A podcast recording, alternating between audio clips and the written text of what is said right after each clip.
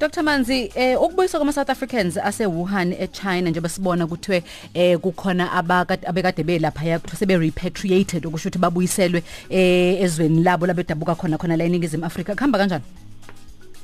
Eh yebo siyalungiselela ukuthi sibabuyise khamba kahle kakhulu. Eh sathemba ukuthi mhlambe sekuzodlula mhlambe nje insuku ezimbalwa ngaphambi kokuthi sikwazi ukuthi iBanoi silisuse lapha eSouth Africa liyobalanda lapha bakhona eWuhan.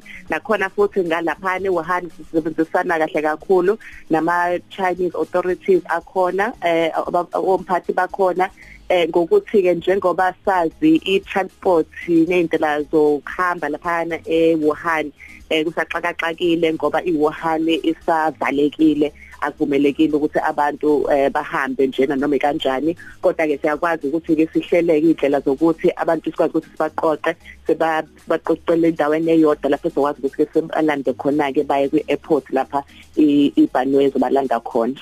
Manje uma sebebuyile Dr. Manzi luphu hlelo enizolilandela ukuqinisekisa ukuthi eh basesimone sikahle ngokwezempilo nanokuthi uma kukhona mhlawumbe eselibangeni ligciwane kungabe kuba ukuthi selithola ke intuba yokuthi lingene la eningizimu Afrika lisabalala Okay. So okokuqala ke ngaphambi kokuthi bangene ngisho eh nakwiBanoi bazoqale bahlolwe ba-check ukuthi azikho yini impondo mhlawumbe eziveza ukuthi kukahle kahle babe nalo leli gcikwane sizozama ukuthi sibone futhi ukuthi batheste eh lokho sisakuhlelela sibona ukuthi into esokwazi ukuthi siyenze. Ngoba manje akuvumelekile ukuthi ibhanoyi lethu lihlale lapha isikhathi eside kakhulu. Mhlawumbe ngeke sikwazi ukuthi senze i-test yakhona ke kodwa ke bazohlolisiswa kahle. Makhona okusolakalayo kuzoba ngcono ukuthi lo muntu asale khona lapha eWuhan abhekwe ama abantu base China odokotela bakhona.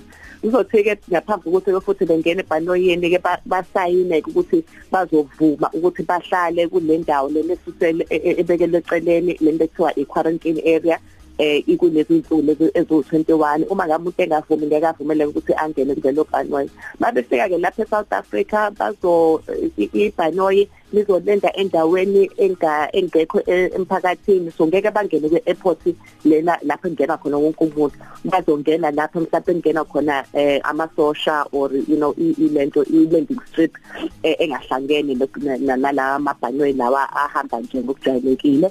Kuzothi mabesuka lapho bazosuswa futhi nge-transport futhi esilungiselela ukuthi ngeke leyo transport lezo imoto lezi noma amabhasi angeke aze asetshenziswe umuntu abanye abantu umphakathi until kuze siqinisekise ukuthi sekuhlanzekile ayisekho i-risk ukuthi kube khona lelo gcikwane bazohanjiswa ke kule ndawo lena ke bekelwe eceleni kuthiwa quarantine area bahlale khona. 31 days ngeke bavumele ukuthi bangene baphume. Akho umuntu ozovumela ukuthi angene. Ngaphandle kwalabo bantu abazibasekela directly nabo futhi kwabona laba bantu abathintane nabo ukuthi babasekela nabo futhi bazongena kuleyo quarantine. Ngakho ke ngeke kuze kube khona ithuba lokuthi eh abantu bakwazi ukuthi bathintane nabanye abantu bomphakathi.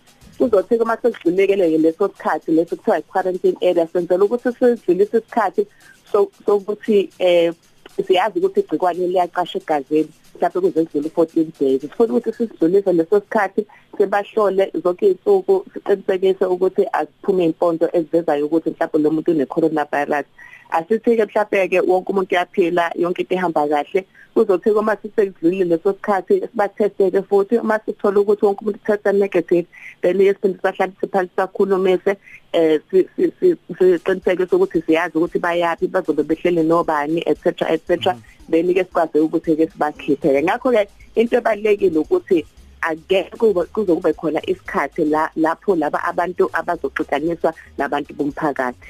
Mhlawumbe uma sesiphetha eh Dr. Manzi kade sizwa la kubikwa endabeni ukuthi eh abavela kwezinye indawo mhlawumbe abangena ngemingcele yakhona la eh ekusuka kwamanye amazwe eAfrica sibheke nje kakhulu eBait Bridge eMusina eLimpopo abasuka eZimbabwe. Kuthi okumisiwe lapho ukuthi eh abantu bahlole bahlolelwe iCoronavirus. Ngabe mhlawumbe lokho eh kube ukuthi nje ukunganaki noma ungaqapheli izinto noma isinqumeni sithathile ukuthi abantu abangena ngeminye imingcele evela kwamanye amazwe eAfrica nizokubahlola eh cha impela sikuzwile lokho izolo ukuthi ingathi eBig Bridge khona ongahambanga kahle. Cha akusona isinqumo esithathile lapha. Fanele sikhumbule bakwethu ukuthi phela la eAfrica thina sisabhekane nezinye izinto e- e- eziyinkinga kuthina njengamanje. Sine ibhola isaqhubeka sine malaria nezinye izifo sisane TB sisanokunye ngakho ke iPort Health akufanele ingabe yawumisa umsebenzi ngoba phela coronavirus kuthina